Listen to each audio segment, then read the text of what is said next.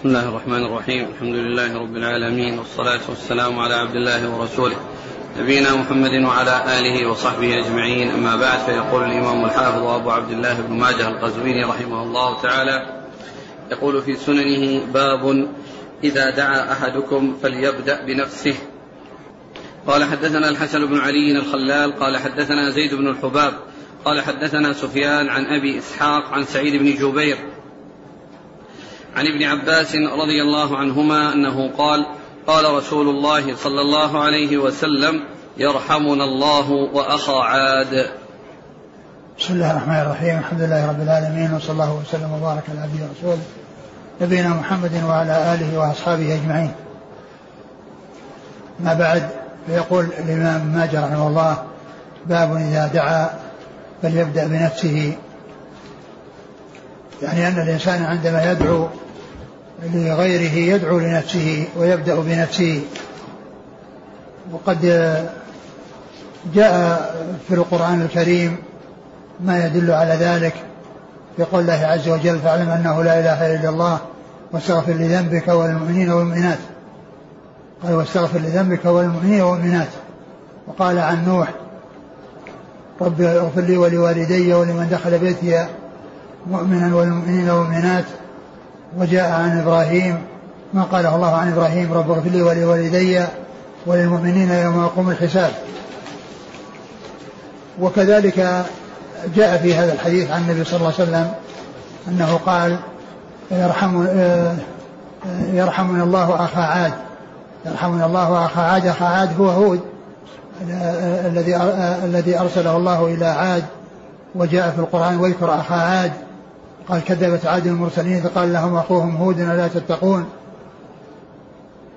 فمحل الشاهد منه أنه قال يرحمنا الله وأخا عاد يعني بدأ بالدعاء لنفسه صلى الله عليه وسلم. وهذا الحديث في إسناده آه، آه، زيد بن الحباب وهو يروي عن سفيان وروايته عن سفيان فيها ضعف لكن وجد ما يؤيده وما يدل عليه. لأنه قد جاء في آه، في في, في مسلم في بعض الروايات يرحمنا الله و يعني وأخا وأخا كذا وأخا كذا يعني آه، كذا يعني آه، مكنن عنه لم يسمى. وكذلك أيضا جاء في دعاء زيارة القبور نسأل الله لنا ولكم العافية نسأل الله لنا ولكم العافية. فقد جاء في كتاب الله عز وجل وسنة رسوله صلى الله عليه وسلم ما يدل على ذلك وأن الإنسان يبدأ بنفسه ثم يدعو لغيره. لكن لا يلزم أن يكون الإنسان لا يدعو لنفسه لا يدعو لغيره إلا دعا لنفسه. وقد يدعو الإنسان لغيره ولم يدعو لنفسه. لكن جاء ما يدل على أنه يبدأ بنفسه كما في هذا الحديث وكما في الحديث نسأل الله لنا ولكم العافية. فذلك سائغ وأيضا آه، غيره سائغ. نعم. في مسلم رحمة الله علينا وعلى أخي كذا. نعم وعلى أخي كذا. وفي رواية يعني حمزة كان صلى الله عليه وسلم إذا بدأ إذا دعا بدأ بنفسه وقال رحمة الله علينا وعلى موسى. نعم يعني آه، وك يعني هذا أيضا في موسى وكذلك قول أخي كذا. يعني آه، أخي فل مثل أخي أخي عاد أو أخي كذا. يعني كلمة كذا أتى بها آه، يعني كناية عن الاسم الذي آه، ذكر. يعني معناه أنه لم ينص على الاسم ولكن أتي بدله بكذا. نعم. قال حدثنا الحسن بن علي الخلال. هو ثقة أخرج أصحاب الكتب إلا النسائي. عن زيد بن الحباب. وهو صدوق آه، إلا في روايته عن سفيان ففي ضعف. أخرج له. خارج القراءة ومسلم وأصحاب السنن. نعم. عن سفيان. والثوري ثقة أخرج أصحاب الكتب. عن أبي إسحاق. وعمرو بن عبد الله السبيعي ثقة أخرج أصحاب الكتب. عن سعيد بن جبير. وهو ثقة أخرج أصحاب الكتب. عن ابن عباس. رضي الله عنهما. وهو أحد العباد له الأربعة من الصحابة. وأحد السبعة المكثرين من حديث رسول الله صلى الله عليه وسلم. عن عنة أبي إسحاق لا ليس لها أثر. آه، كما هو معلوم الإسناد هذا يأتي كثيرا ويصحح العلماء ولكن وجد كما عرفنا يعني آه، من غير هذا الطريق ما يؤيده وما يدل عليه. كلام كلام شعيب. وشو يقول إن سفيان روى عن أبي إسحاق بعد الاختلاط. سفيان سماعه من أبي إسحاق بعد اختلاطه. وقال سفيان بن عيينة لكن مو سفيان بن عيينة هو سفيان الثوري. صح نعم. قال رحمه الله تعالى باب يستجاب لأحدكم ما لم يعجل. قال حدثنا علي بن محمد قال حدثنا إسحاق بن سليمان عن مالك بن أنس عن الزهري عن أبي عبيد مولى عبد الرحمن بن أزهر عن أبي هريرة رضي الله عنه أن رسول الله صلى الله عليه وسلم قال يستجاب لأحدكم ما لم يعجل. قيل وكيف يعجل؟ وقيل وكيف يعجل يا رسول الله؟ قال يقول قد دعوت الله فلم يستجب لي الله فلم يستجب الله لي. ثم ذكر باب يستجاب لأحدكم ما لم يعجل. يعني أن الإنسان يسأل الله عز وجل ويكثر في من دعائه وسؤاله وهذا عبادة و ولا ييأس. وإذا لم يحصل له الإجابة في وقت قريب لا ينتهي ويترك ويقول دعوت ولم يستجب لي وإنما يلح على الله عز وجل في الدعاء ويكثر من الدعاء. وهذا هو المطلوب من من الإنسان لأن الدعاء عبادة وكون الإنسان يدعو ربه دائما وأبدا ويسأله يعني باستمرار هو يتعبد الله عز وجل بذلك. وقد يحصل وقد يحصل له ما يريد عاجلا وقد يحصل له آه، متأخرا.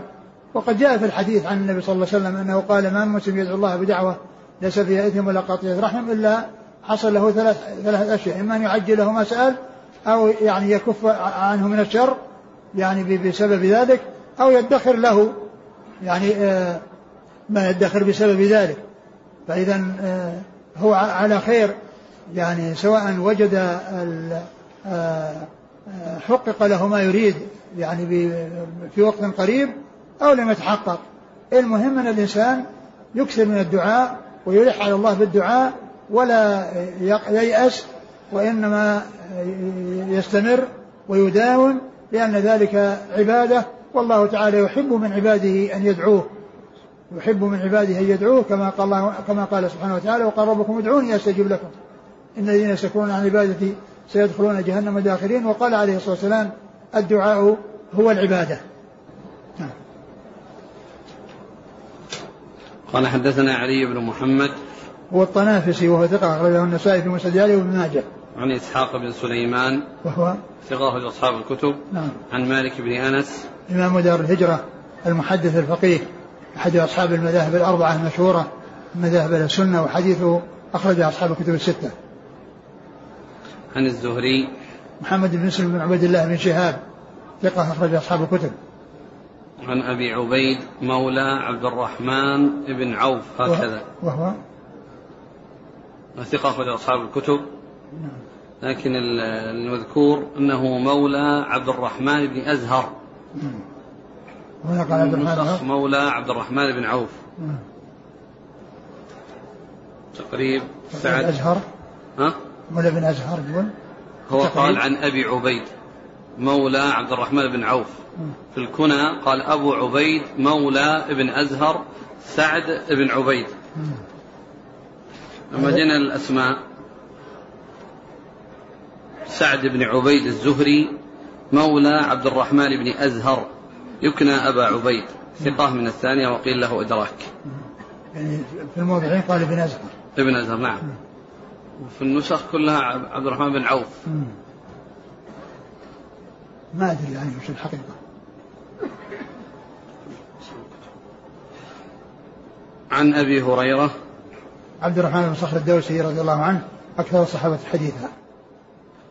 قال رحمه الله تعالى باب لا يقول الرجل اللهم اغفر لي إن شئت. قال حدثنا أبو بكر قال حدثنا عبد الله بن إدريس عن ابن عجلان عن أبي الزناد عن الأعرج عن أبي هريرة رضي الله عنه أنه قال قال رسول الله صلى الله عليه وسلم لا يقولن أحدكم اللهم اغفر لي إن شئت وليعزم في المسألة فإن الله عز وجل لا مكره له. ثم ذكر باب لا يقول الرجل اللهم اغفر لي إن شئت وإنما يقول اللهم اغفر لي ولا يأتي بكلمة إن شئت لأن هذا تعليق بالمشيئة والإنسان يعزم ومعلوم أن كل شيء بمشيئة الله. ما شاء الله كان وما لم يشاء لم يكن لكن في هذا الموطن لا يصلح لأن هذا عدم جزم بالطلب وعدم جزم بالسؤال. يعني إن شئت فأعطني وإن شئت لا تعطني لا, لا, لا يليق هذا. هذا يمكن أن يكون مع الناس وفي معاملة الناس وأن الإنسان يعني يعني يمكن أن يقال في حقه هذا. وأما الله عز وجل فيعزم الإنسان المسألة يقول اللهم اغفر لي اللهم ارحمني اللهم وفقني. ولا يقول إن شئت يعني إن شئت وفقني وإن شئت كذا وإنما يعزم المسألة وعزم المسألة لا لا يعلق. عزم المسألة لا يعلق بالمشيئة. بل يقول اللهم اغفر لي اللهم ارحمني اللهم وفقني اللهم سددني وهكذا. فإن الله لا مكره له لأن الله عز وجل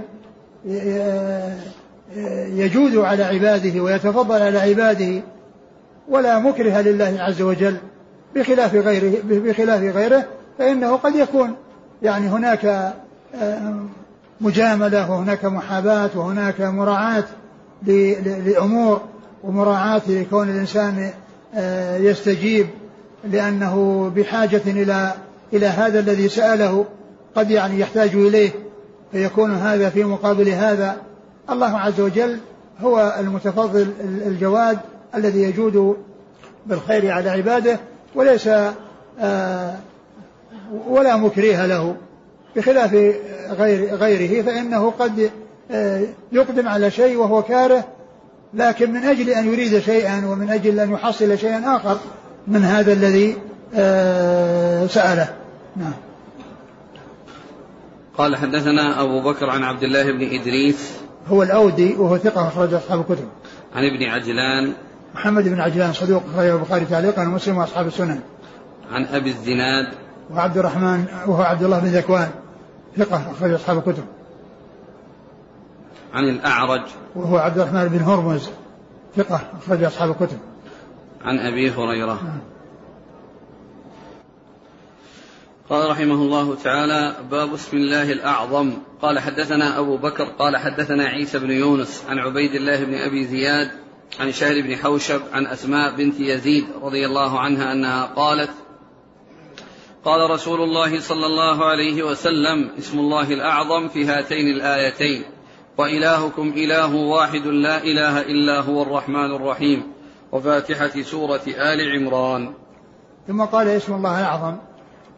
يعني أنه ورد بعض الأحاديث أن اسم الله الأعظم الذي يعني يجيب إذا سئل به وذكر أحاديث منها هذا الحديث أن النبي صلى الله عليه وسلم قال اسم الله الأعظم في هاتين الآيتين وإلهكم إله واحد لا إله إلا هو وإلهكم إله واحد لا إله إلا لا إله لا إله إلا هو الرحمن الرحيم. وفي فاتحة سورة آل عمران الله لا إله إلا الحي القيوم الله لا إله إلا هو الحي القيوم.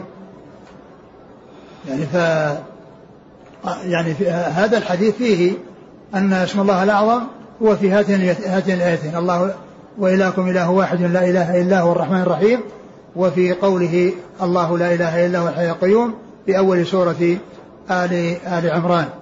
والحديث في إسناده رجلان متكلم فيهما من حيث الرواية. نعم. قال حدثنا أبو بكر عن عيسى بن يونس هو ثقة أخرج أصحاب الكتب. عن عبيد الله بن أبي زياد وهو ليس بالقوي أخرج أبو داود والترمذي بن ماجه. نعم. عن شهر بن حوشب وهو صدوق كثير. الرسالة والأوهام نعم. البخاري المفرد ومسلم وأصحاب السنن. نعم. عن أسماء بنت يزيد. أخرج لها. خالد المفرد وأصحاب السنن. نعم. قال حدثنا عبد الرحمن بن إبراهيم الدمشقي. قال حدثنا عمرو بن أبي سلمة عن عبد الله بن العلاء عن القاسم إنه قال اسم الله الأعظم الذي إذا دعي به أجاب في سور ثلاث البقرة وآل عمران وطه. أقرأ السنة الثانية أقرأ السنة الثانية قال حدثنا عبد الرحمن بن إبراهيم الدمشقي قال حدثنا عمرو بن أبي سلمة قال ذكرت ذلك لعيسى بن موسى فحدثني أنه سمع غيلان بن أنس يحدث عن القاسم عن أبي أمامة رضي الله عنه عن النبي صلى الله عليه وسلم نحوه. ثم ذكر هذا الحديث وأن اسم الله الأعظم في ثلاث سور في سورة البقرة وآل عمران وطه. والمقصود من ذلك أن في أول في البقرة في أول آية الكرسي الله لا إله إلا هو الحي القيوم وفي سورة آل عمران الله لا إله الله لا إله لا إله إلا هو الحي القيوم وفي سورة طه وعنت الوجوه للحي القيوم وفي سورة طه وعنت الوجوه للحي القيوم. يعني ان ان المقصود به هذين الاسمين اللذين هما الحي والقيوم. وهذا الإسناد من الطريق الأول مرسل ومن الطريق الثاني متصل ولكنه يعني لا يخلو من ضعف. نعم. قال حدثنا عبد الرحمن بن إبراهيم الدمشقي هو الملقب دحيم ثقة أخرجه البخاري وأبو داود والنسائي وابن ماجه. عن عمرو بن أبي سلمة وهو صدوق له أوهام أخرجه نعم. أصحاب الكتب. نعم. عن عبد الله بن العلاء وهو ثقة أخرج البخاري وأصحاب السنن. نعم. عن القاسم بن عبد الرحمن وهو صدوق يغلب كثيرا أخرج البخاري المفرد وأصحاب السنن. نعم. قال حدثنا عبد الرحمن بن إبراهيم الدمشقي عن عمرو بن أبي سلمة قال ذكرت ذلك لعيسى بن موسى هو صدوق البخاري في خلق أفعال العباد وأبو داود النسائي في عمل اليوم والليله وابن ماجه. نعم. عن غيلان بن أنس. وهو؟ مقبول أخرج البخاري في رفع اليدين وأبو داود وابن ماجه. نعم. عن القاسم عن أبي أمامة. أبو أمامة صدي بن عجلان الباهلي رضي الله عنه أخرج له أصحاب الكتب. قال حدثنا علي بن محمد قال حدثنا وكيع عن مالك بن مغول أنه سمعه من عبد الله بن بريدة عن أبيه رضي الله عنه أنه قال أنه سمع النبي صلى الله عليه وسلم عن أبيه رضي الله عنه قال سمع النبي صلى الله عليه وسلم رجلا يقول اللهم إني أسألك بأنك أنت الله الأحد الصمد الذي لم يلد ولم يولد ولم يكن له كفوا أحد. فقال رسول الله صلى الله عليه وآله وسلم لقد سأل الله باسمه الأعظم الذي إذا سئل به أعطى وإذا دعي به أجاب. ثم ذكر هذا الحديث آه عن بريدة. عن بريدة بن حسين الأسلمي رضي الله عنه أن النبي صلى الله عليه وسلم سمع رجلا يقول اللهم إني أسألك بأنك أنت الله الأحد الصمد الذي لم يلد ولم يولد ولم يكن له كفوا أحد. فقال عليه الصلاة والسلام لقد سأل باسمه بسم الله الأعظم الذي إذا إذا إذا دعي به إذا سئل به أعطى إذا سئل به أعطى وإذا دعي أجاب. و وهذا يعني معناه أنه في سورة الإخلاص. يعني بسم الله الأعظم في سورة الإخلاص. يعني قل هو الله أحد الله أحد الله الصمد لم يلد ولم يولد ولم يكن له كفوا أحد.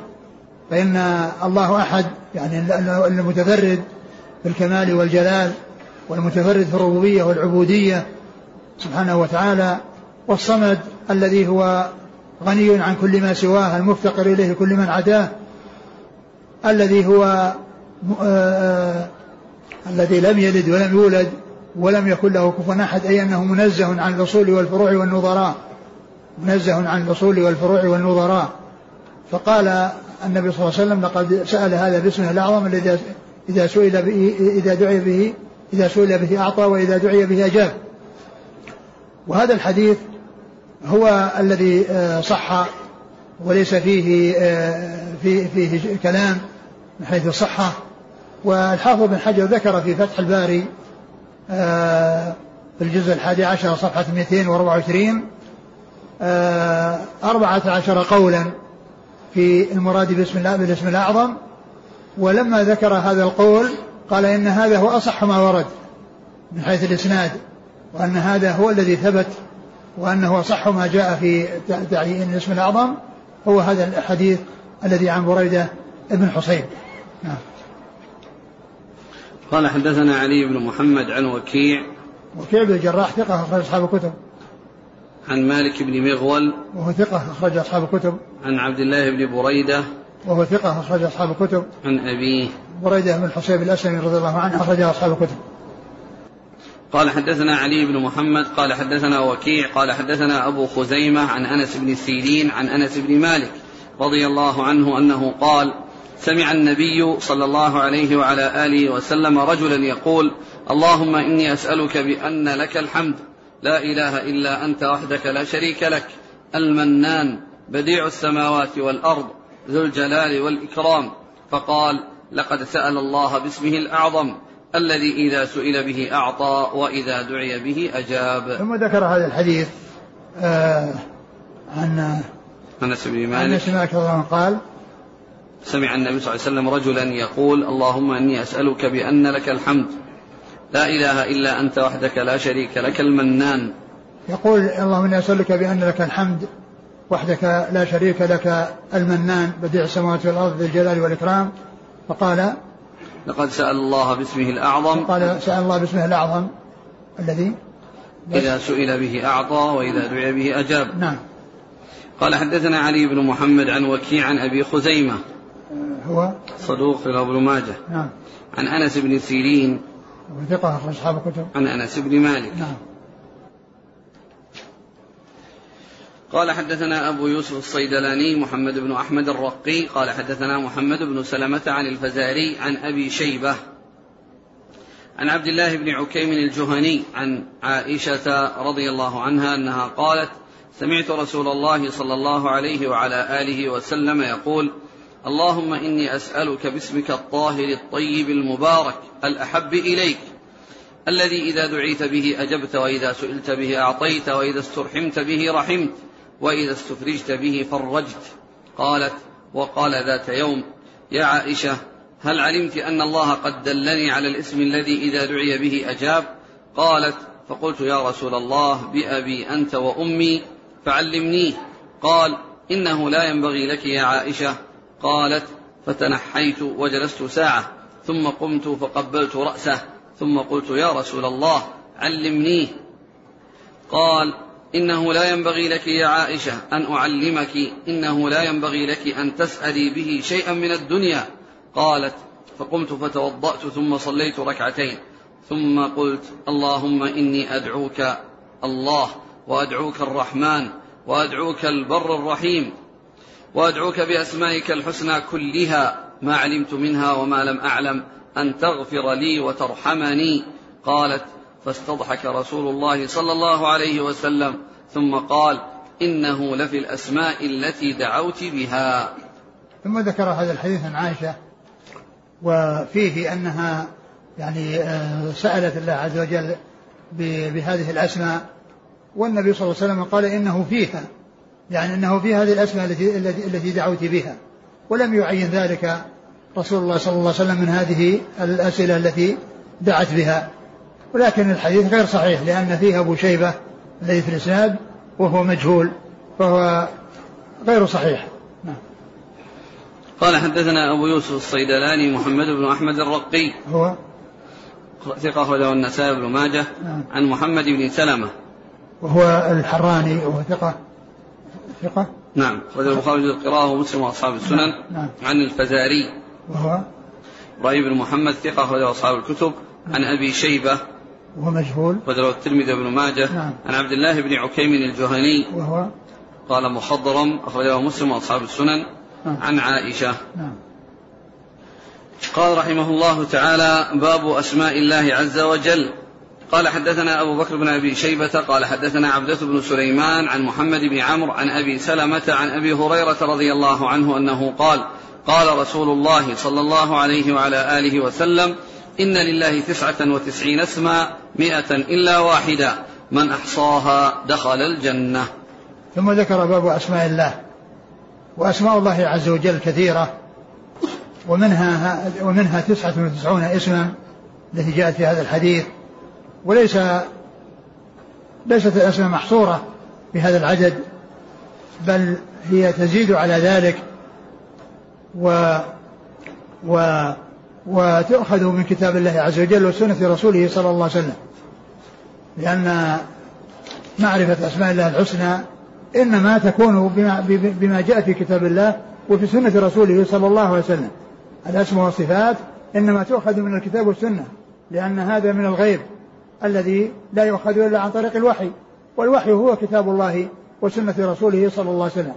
فلا يضاف إلى الله عز وجل شيء لم يأتي في الكتاب والسنة ويقال أن هذا من أسماء الله وأن هذا من صفات الله إلا إذا جاء دليل يدل عليه من كتاب الله عز وجل وسنة رسوله صلى الله عليه وسلم.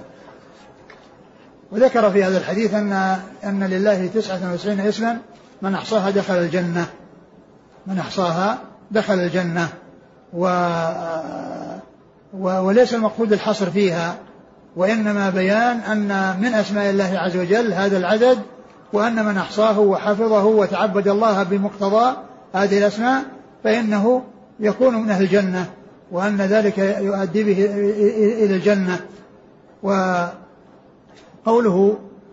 في, هذا الحديث يعني مما يدل على أنه لا يفيد الحصر أن أن أن هذا مثل ما لو قال إنسان إن لي إن عندي ألف ريال أعددتها لوجه من وجوه الخير معينة معين فإن هذا لا يعني أنه ليس عنده إلا هذا العدد بل هذا خصه بهذا بهذه الجهة وهنا خص هذه الأشياء بالإحصاء والعدد بالإحصاء والعدد آه، أن من حفظها وأحصاها وعمل بمقتضاها يعني لأنه فسر الإحصاء بأن يحفظها وأن يعني يتأمل معانيها وأن يتعبد الله تعالى بها وأن يسأله بها. ف فهذا هو المقصود. وليس المقصود أن, أن أسماء الله لأنه لم يقل إن أسماء الله 99 وإنما قال لله 99 من أحصاها دخل الجنة.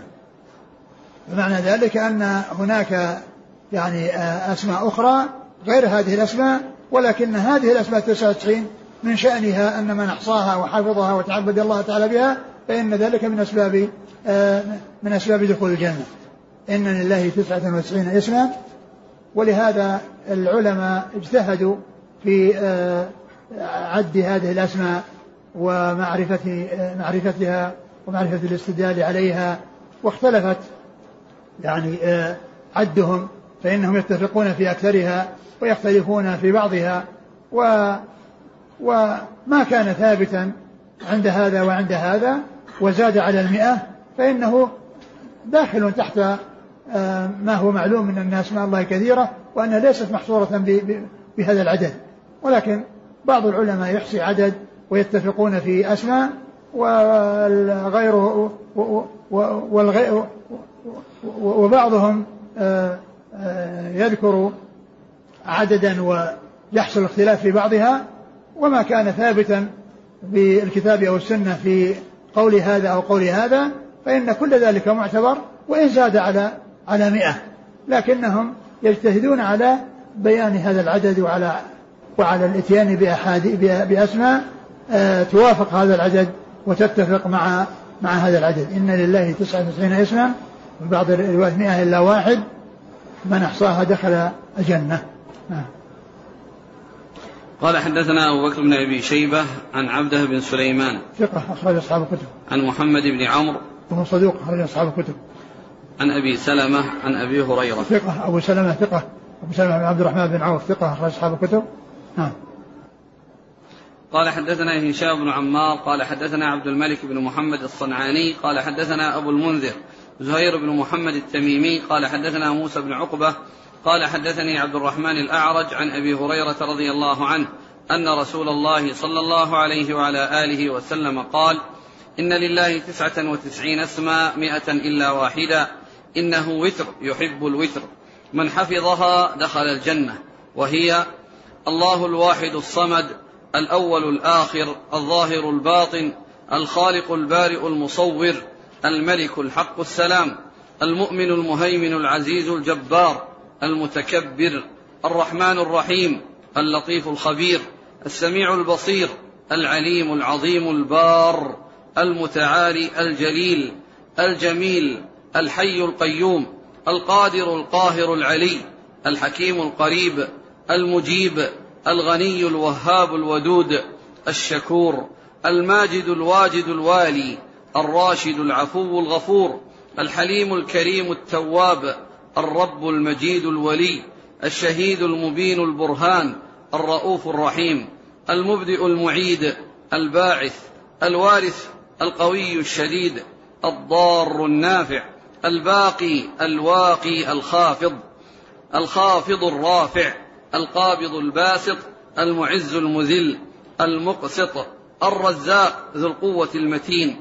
القائم الدائم الحافظ الوكيل الفاطر السامع المعطي المحيي المميت المانع الجامع الهادي الكافي الأبد العالم الصادق النور المنير التام القديم الوتر الأحد الصمد الذي لم يلد ولم يولد ولم يكن له كفوا أحد. قال زهير فبلغنا من غير واحد من أهل العلم أن أولها يفتح بقول لا إله إلا الله وحده لا شريك له له الملك وله الحمد بيده الخير وهو على كل شيء قدير. لا إله إلا الله له الأسماء الحسنى. ثم ذكر هذا الحديث عن أبي هريرة ومثل الحديث الأول إلا أن فيه الزيادة عد الأسماء.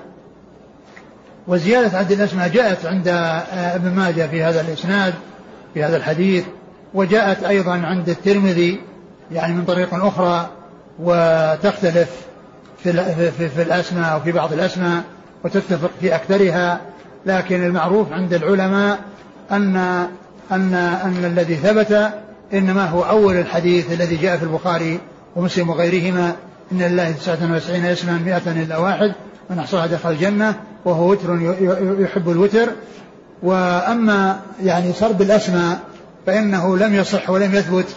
فمن العلماء من قال أن في بعض أسانيده من هو ضعيف وفي بعضها من قالوا أنه مدرج و ولم يثبت آه، فيها آه، من حيث العدد شيء عن رسول الله صلى الله عليه وسلم.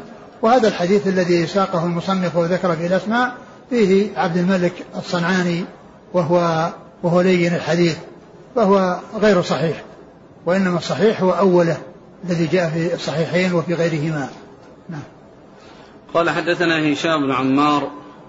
هشام بن عمار صدوق خرجه البخاري وأصحاب السنة. عن عبد الملك بن محمد الصنعاني. وهو لين الحديث. أبو داود والنسائي بن ماجه. نعم. عن أبي المنذر زهير بن محمد التميمي. وهو؟ ثقة أخرج أصحاب الكتب. نعم. عن موسى بن عقبة.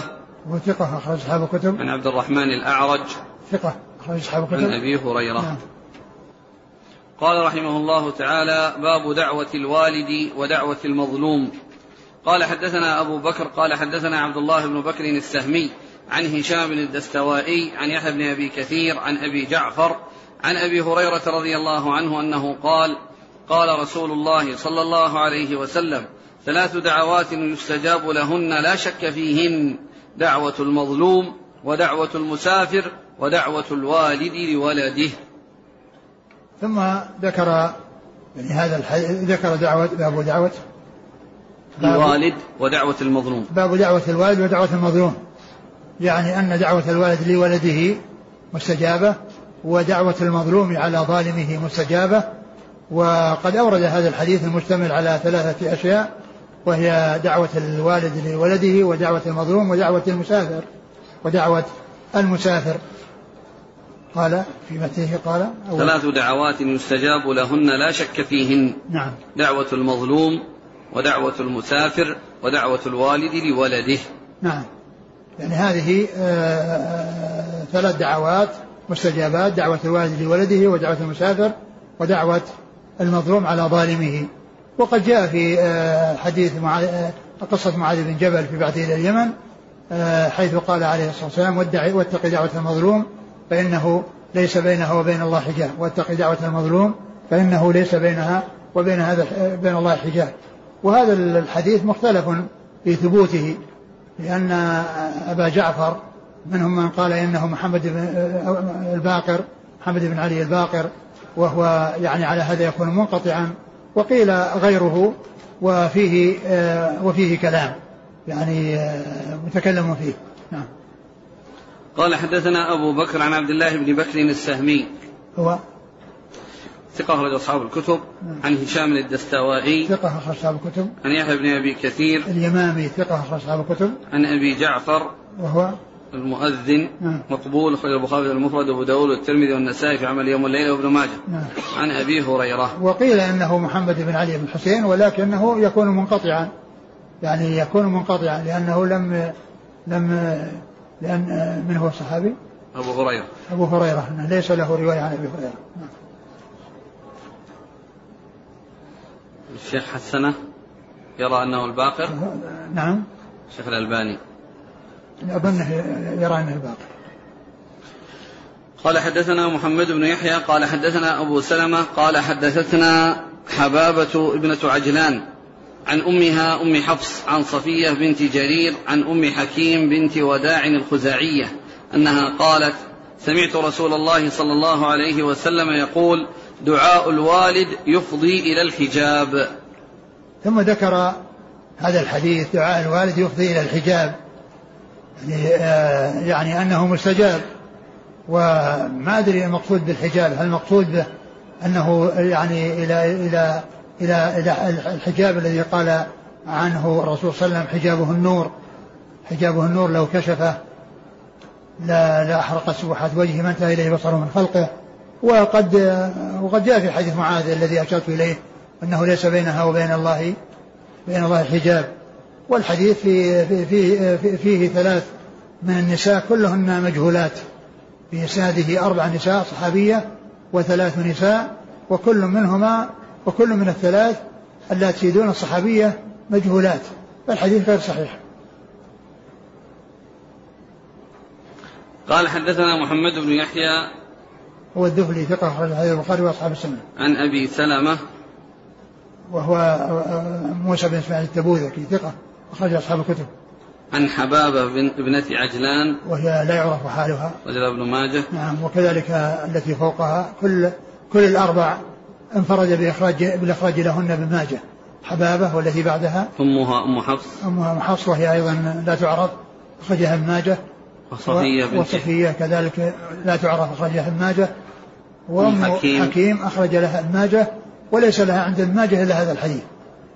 ليس لها رواية في الكتب الستة وفي الكتب الخمسة الأخرى وإنما هي عند ابن ماجه في هذا الإسناد فقط. قال رحمه الله تعالى باب كراهية الاعتداء في الدعاء. قال حدثنا أبو بكر بن أبي شيبة قال حدثنا عفان قال حدثنا حماد بن سلمة قال أنبانا سعيد الجريري عن أبي نعامة أن عبد الله بن مغفل رضي الله عنه سمع ابنه يقول اللهم إني أسألك القصر الأبيض عن يمين الجنة إذا دخلتها. فقال أي بني سل الله الجنة وعذ به من النار. فإني سمعت رسول الله صلى الله عليه وسلم يقول سيكون قوم يعتدون في الدعاء.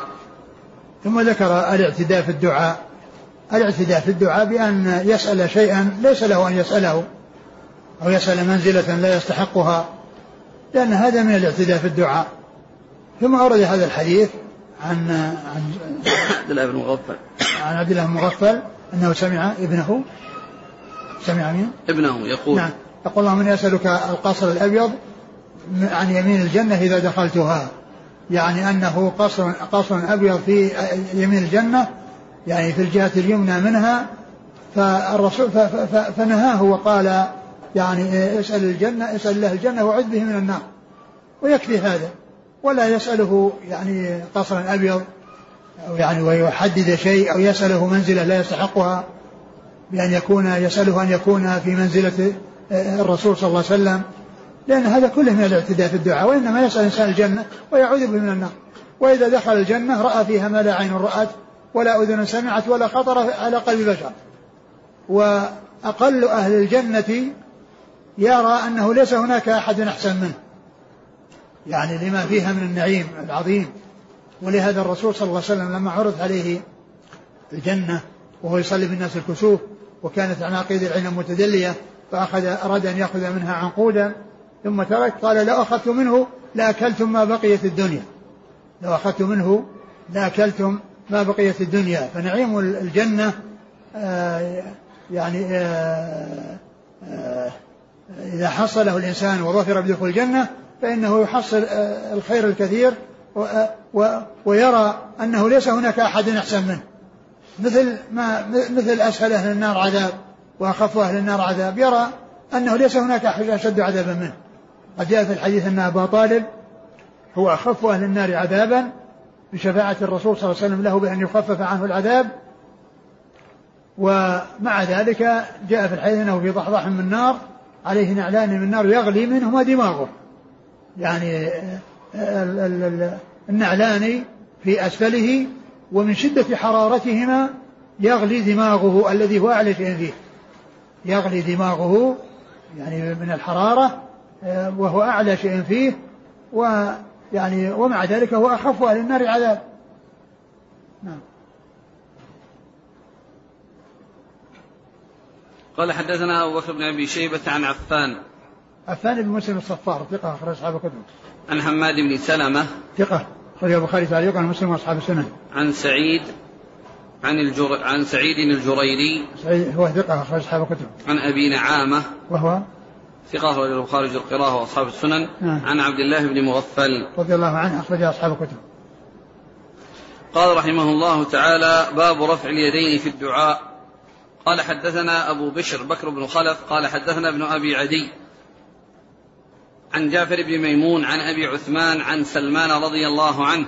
عن النبي صلى الله عليه وعلى آله وسلم أنه قال إن ربكم حيي كريم يستحي من عبده أن يرفع إليه يديه فيردهما صفرا أو قال خائبتين.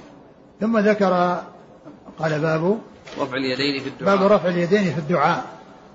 يعني أن الدعاء يستحب فيه رفع اليدين والدعاء له آه، رفع اليدين في الدعاء لها ثلاث حالات. حالات ترفع فيها الأيدي لأنه ورد ما يدل على رفعها وحالات لا ترفع لأنه لم يرد شيء يدل على رفعها وحالات مطلقة للإنسان أن يرفع وله أن لا يرفع. للإنسان أن يرفع وله أن لا يرفع.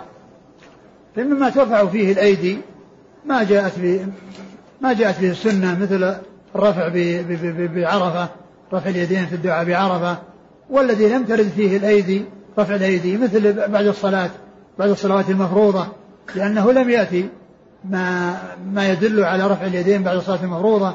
والنبي صلى الله عليه وسلم هو الذي يصلي بالناس دائما وأبدا ولم يؤثر عنه أنه كان يرفع يديه بعد الفريضة.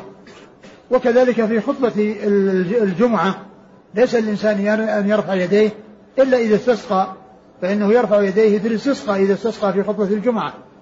فهذه يعني مواضع يعني آه يعني لا ترفع فيها الأيدي فالذي جاء فيه رفع الأيدي ترفع فيه والذي جاء فيه عدم الرفع لا ترفع فيه والذي هذا الحديث الذي يدل على يعني استحباب الرفع وأن الله عز وجل وأن النبي صلى الله عليه وسلم قال إن الله حيي يستحي أن يرفع عبده إليه يديه فيردهما صفرا أو أو أو خاليتين يعني صفرا يعني هو بمعنى خاليتين.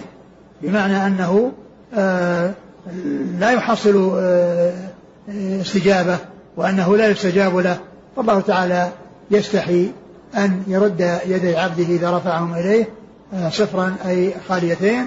وهذا يدل على استحباب رفع الدعاء وأن ذلك مستحب.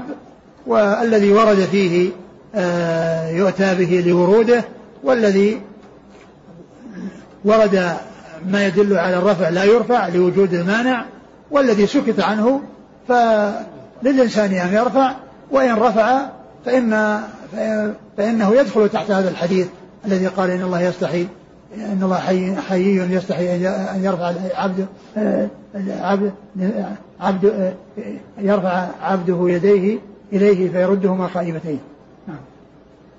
إن ربكم حيي كريم. حيي هذا من أسماء الله إنه حيي وأنه كريم. نعم. يستحي من عبده أن يرفع إليه يديه فيردهما صفرا نعم. أو قال خائبتين. نعم. قال حدثنا أبو بشر بكر بن خلف. هو؟ صدوق في البخاري تعليقا وأبو داود بن ماجه. نعم. عن ابن أبي عدي. وهو ثقة أصحاب الكتب. عن جعفر بن ميمون. وهو؟ صدوق يخطئ أخرج البخاري في القراءة وأصحاب السنن. نعم. عن أبي عثمان. النهدي.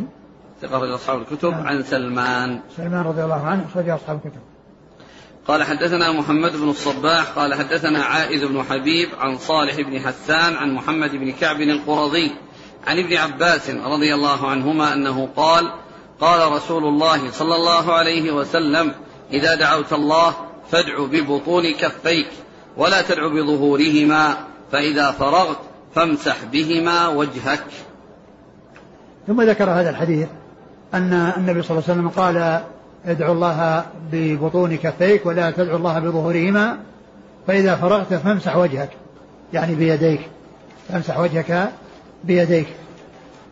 هذا يعني الحديث مقتضاه أن أنه يدعى الله عز وجل ببطون الأكف بأن تكون البطون, يعني متجهة إلى السماء ولا تكون بالظهور و وقال آه، آه، في آخره فإذا فرغت فإذا فرغت فامسح وجهك يعني بيديك. فإذا فرغت فامسح وجهك بيديك. ولكن الحديث في رجل متروك وهو هشام بن حسان وهو غير ثابت. لكن الدعاء بظهور الأكف إنما جاء في الاستسقاء بأنها ترفع حتى تكون ظهورها إلى السماء. فهذا هو الذي ثبت أو مقتضى هذا الحديث هو ثابت عن رسول الله صلى الله عليه وسلم في الدعاء في الاستسقاء. أما في غير الاستسقاء فإن أن الأيدي تكون بطونها إلى السماء ولا تكون ظهورها. وهذا الحديث الذي آه، جاء في الدعاء عموما بالظهور يعني بالبطون. إيش؟ حديث. إذا دعوت الله فادعو ببطون كفيك. نعم. ولا تدعو بظهورهما. نعم. ولا تدعو بظهورهما يعني أن, أن, أن فيه هذا الرجل المتروك ولكن آه، الدعاء بالظهور جاء في آه، موضع وهو صلاة دعاء الاستسقاء. نعم. وقضية المسح اليدين أو مسح الوجه باليدين جاء في أحاديث متعددة. بعض أهل العلم قال إنه يقوي بعضها بعضا. ومنهم الحافظ بن حجر ذكر ذلك في بلوغ المرام وغيره من أهل العلم مثل الشيخ الإسلام تيمية وغيره فإنهم قالوا الأحاديث آه، فيها ضعف شديد ولا تصل إلى حد أن يقوي بعضها بعضا فالذي ينبغي أن الإنسان عندما يرفع يديه لا يمسح وجهه وإنما ينزلهما بدون مسح. قال حدثنا محمد بن الصباح صدوق أخرجه أبو داود بن ماجه نعم. عن عن عائذ بن حبيب وهو صدوق له النسائي بن ماجه نعم. عن صالح بن حسان وهو متروك أخرج له أبو داود في المراسيل والترمذي بن ماجه نعم. عن محمد بن كعب القرظي وهو ثقة أخرج أصحاب الكتب نعم. عن ابن عباس رضي الله عنهما أحد العباد الأربعة وأحد السبع المكثرين من حديث رسول الله صلى الله عليه وسلم قال رحمه الله تعالى باب ما يدعو به الرجل إذا أصبح وإذا أمسى. والله تعالى أعلم وصلى الله وسلم وبارك على عبده ورسوله نبينا محمد وعلى آله وأصحابه أجمعين. جزاكم الله خيرا وبارك الله فيكم ألهمكم الله الصواب ووفقكم للحق. نفعنا الله ما سمعنا وغفر الله لنا ولكم والمسلمين أجمعين. آمين. يقول أحسن الله إليك. المسح على الجسد عند عند الانتهاء من الدعاء. ورد في بعض الأحاديث ما يدل عليه عند عند النوم. هذا عند الانتهاء من الدعاء. والله ما أعلم ما أعلم في شيء لا أدري. رفع اليدين عند الفراغ من دفن الميت للدعاء والله ما نعلم شيء يثبت ولا ولا ولا ينفيه يعني هذا مطلق. يعني له أن يرفع وله أن لا يرفع. ما معنى اسم الله المؤمن؟ المؤمن يعني قيل إنه يعني المؤمن بمعنى المصدق وقيل إنه الذي يؤمن عباده من الخوف. يقول لي عند أحد مال ولا يعطيني هذا القرض يرده إلي فهل لي أن أدعو عليه بالفقر والمرض أو هذا اعتداء؟ هذا اعتداء. أقول هذا تجاوز. يعني من أجل شيء قليل يعني تريد أن يحصل له هذه الأمور الخطيرة يعني يسأل الله عز وجل أن يوصل إليك حقك وأن ييسر لك وصول حقك ولا تعتدي بمثل هذا الاعتداء في الدعاء.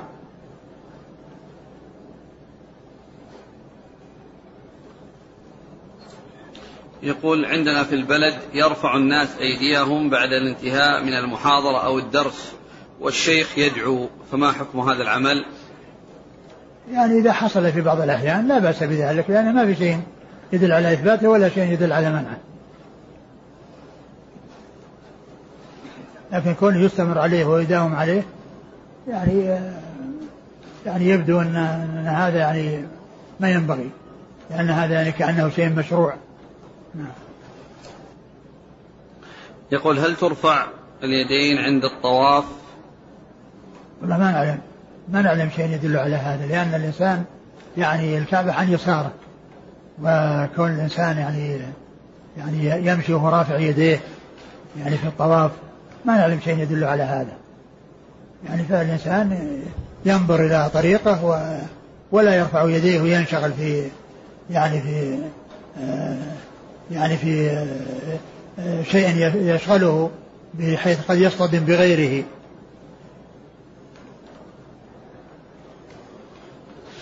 وكذلك بين الأذان والإقامة. الأمر في ذلك واسع له أن يرفع وله أن لا يرفع لأن هذا من الأمور المطلقة. بالأمس سئلتم عن دعاء اللهم أمرم لهذه الأمة أمر نعم. رشد. نعم. وفيه يعز أهل طائف ويذل فيه أهل معصيتك نعم. يقول بعض أهل العلم يقول كلنا أصحاب تقصير ومعصية. فهذا دعاء علينا ويذل فيه أهل معصيتك. لو قيل يهدى فيه أهل معصيتك. لا أولا هل هل هو وارد أو غير وارد؟ أنا ما أدري. يعني هل ورد أو, أو, أو لم يرد. لكن كما هو معلوم أهل المعاصي يعني يعني كونهم يعزون يعني لا لا يطلب لهم عز وإنما يعني الأصل أن يكون يعني عندهم ذلة والقوة إنما هي الطاعة يعني لأن الإنسان يكون عزيزا بطاعة الله ويكون دليلا بمعصية الله ويكون دليلا بمعصية يعني يعني عز الطاعة يرفع الإنسان وذل المعصية يخفض الإنسان. ومعنى يذل يعني أنه يعني ما يصل لهم قوة ولا يصل لهم شوكة وإنما يعني يعني يصيرون أذلة وهم أصحاب المعاصي. لكن بس الكلام هل هل يعني يعني هل ورد في شيء يعني في ثبوته مثل هذا اللفظ؟ أنا ما أذكر. يقول هل أرفع يدي يوم الجمعة في الجلسة بين الخطبتين؟ والله ما يعني ما نعلم يعني ما نعلم شيء يمنع. هذا الذي ورد في الخطبة. الذي ورد يعني في الخطبة الإنسان لا يرفع يديه لا, لا الإمام ولا المأموم إلا في الاستسقاء فإنه جاء عن النبي صلى الله عليه وسلم أنه رفع يديه في الاستسقاء. وأما بين الخطبتين يعني فله أن يدعو ولا نعلم شيء يمنع يعني يدل على الإنسان له أن يدعو لكن هل يرفع يديه ولا يرفع يديه؟ لا أعلم يعني شيء في هذا. وقد يكون رفع اليدين يجر إلى أن يعني يكون رافعا يديه بال... عند عند مجيء الخطبة الثانية. يقول كذلك هل لي أن أرفع اليدين وأنا صائم أو قبل الإفطار؟ له ما نعلم شيء يمنع لأن هذا من الأمور المطلقة. الأمور المطلقة له أن يرفع وله أن لا يرفع.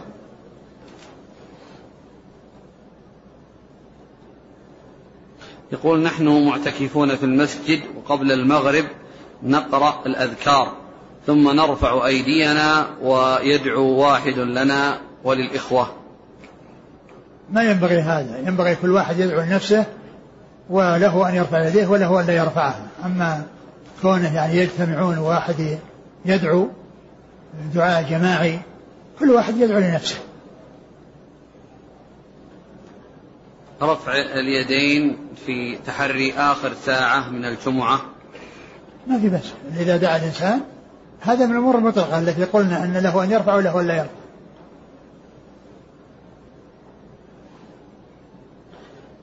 الدعاء الذي يحصل بعد كل صلاة كما تعلمون في كثير من البلدان يسألون عنه.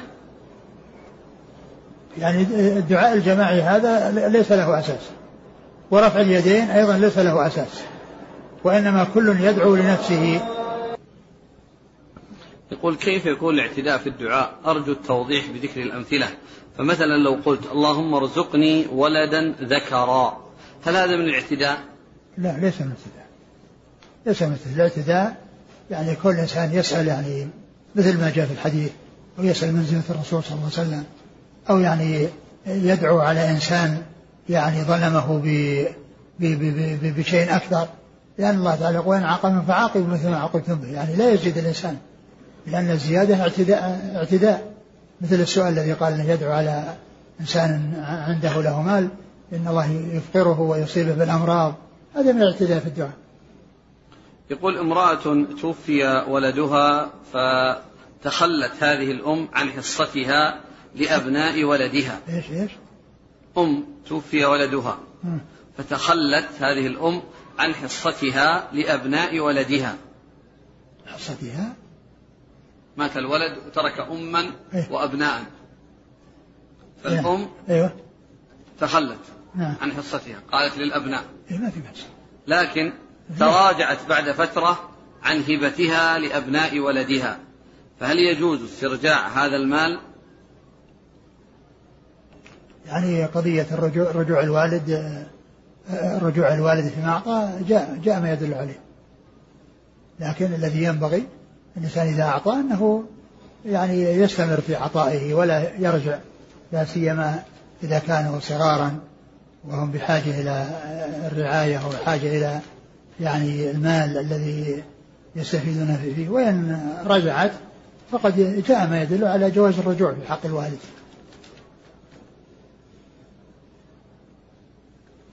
يقول والدي يأخذ الدين بشرط الربا. ويفعل بعض البدع. فإذا تكلمت معه ونصحته دعا علي. فهل هذا الدعاء دعاء الوالد علي يستجاب؟ لا ما يضرك إن شاء الله لأنك أنت محسن وهو مسيء. أنت محسن في دعاء دعوتك إياه إلى الخير وفي دعوته إلى السلامة من الشرور وهو مسيء في فعله الأمور المحرمة ومسيء في دعائه أيضا. لكن احرص على هدايته. لا تيأس ولا تفتر ولا تقصر بل يعني كونك تعنى به ليسلم من عذاب الله أعظم من لو حصل له حادث وأسرعت به إلى المستشفى من أجل إنقاذ حياته ومن أجل أن يكونه يعيش أو يحصل له يعني شفاء. هذا أعظم من هذا لأن لأن الهداية للصراط المستقيم هذه زاد الحياة الباقية. وأما يعني كونه تذهب به المستشفى هذا علاج لحياة باقية إن كان في, في, في, في الأجل فسحة. وإلا فإن ذاك الذي هو آه، آه، الهداية هذا هو زاد الآخرة. وهذا هو الذي ينفع الإنسان في دنياه وفي آخرته. عليه هل يجوز للوالد للولد أن يطلب من والديه أن يدعو له؟ لا لا يجوز إيش المعنى؟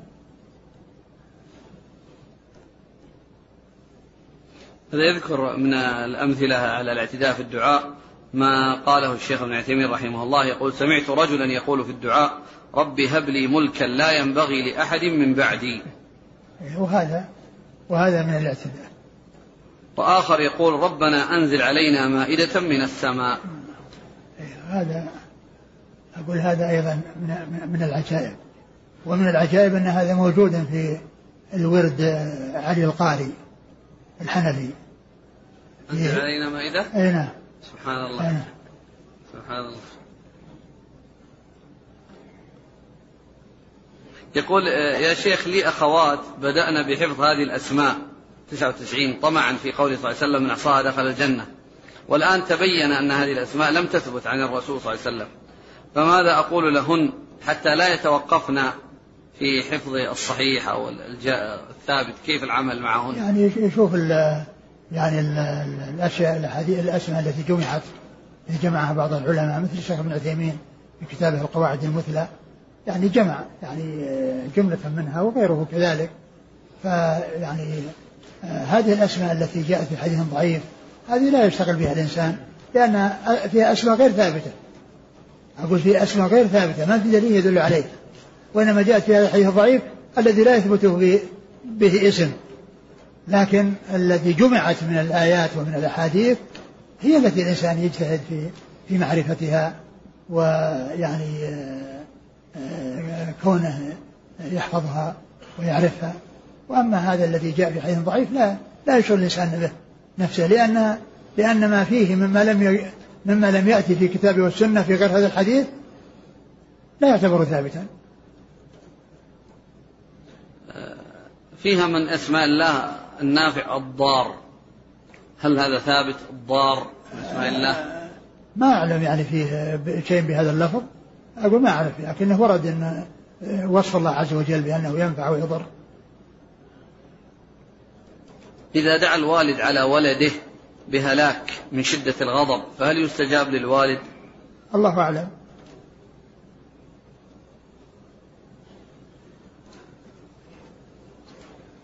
يقول عندنا شركة أدوية تعتمد في صناعة الأدوية على الأعشاب وهي مجربة ونافعة بإذن الله.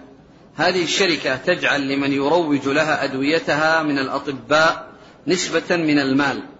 إذا بلغ عدد معين من النقاط.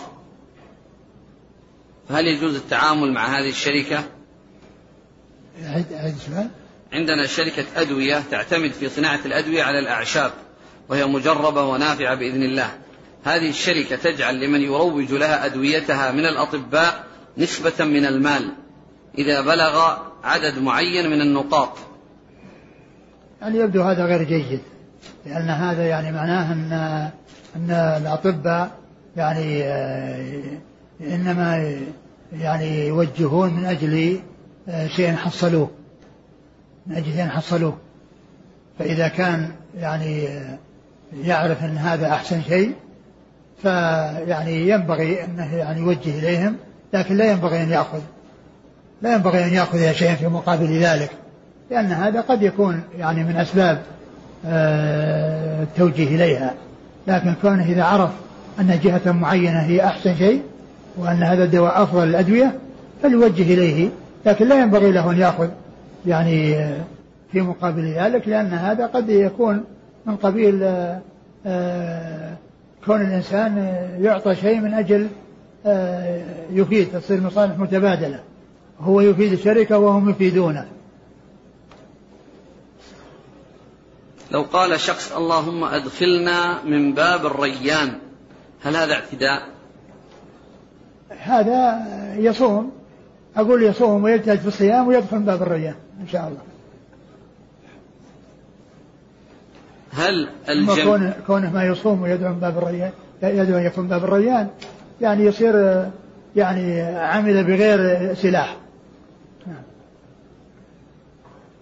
حكم قول اللهم إني أتوسل إليك بجاه نبيك. هذا لا يجوز. لا يجوز التوسل بالجاه ولا بالذوات ولا بالأشخاص وإنما يتوسل الله عز وجل بأسمائه وصفاته وكذلك يتوسل إليه بعمل الإنسان الصالح كما في قصة الثلاثة وكما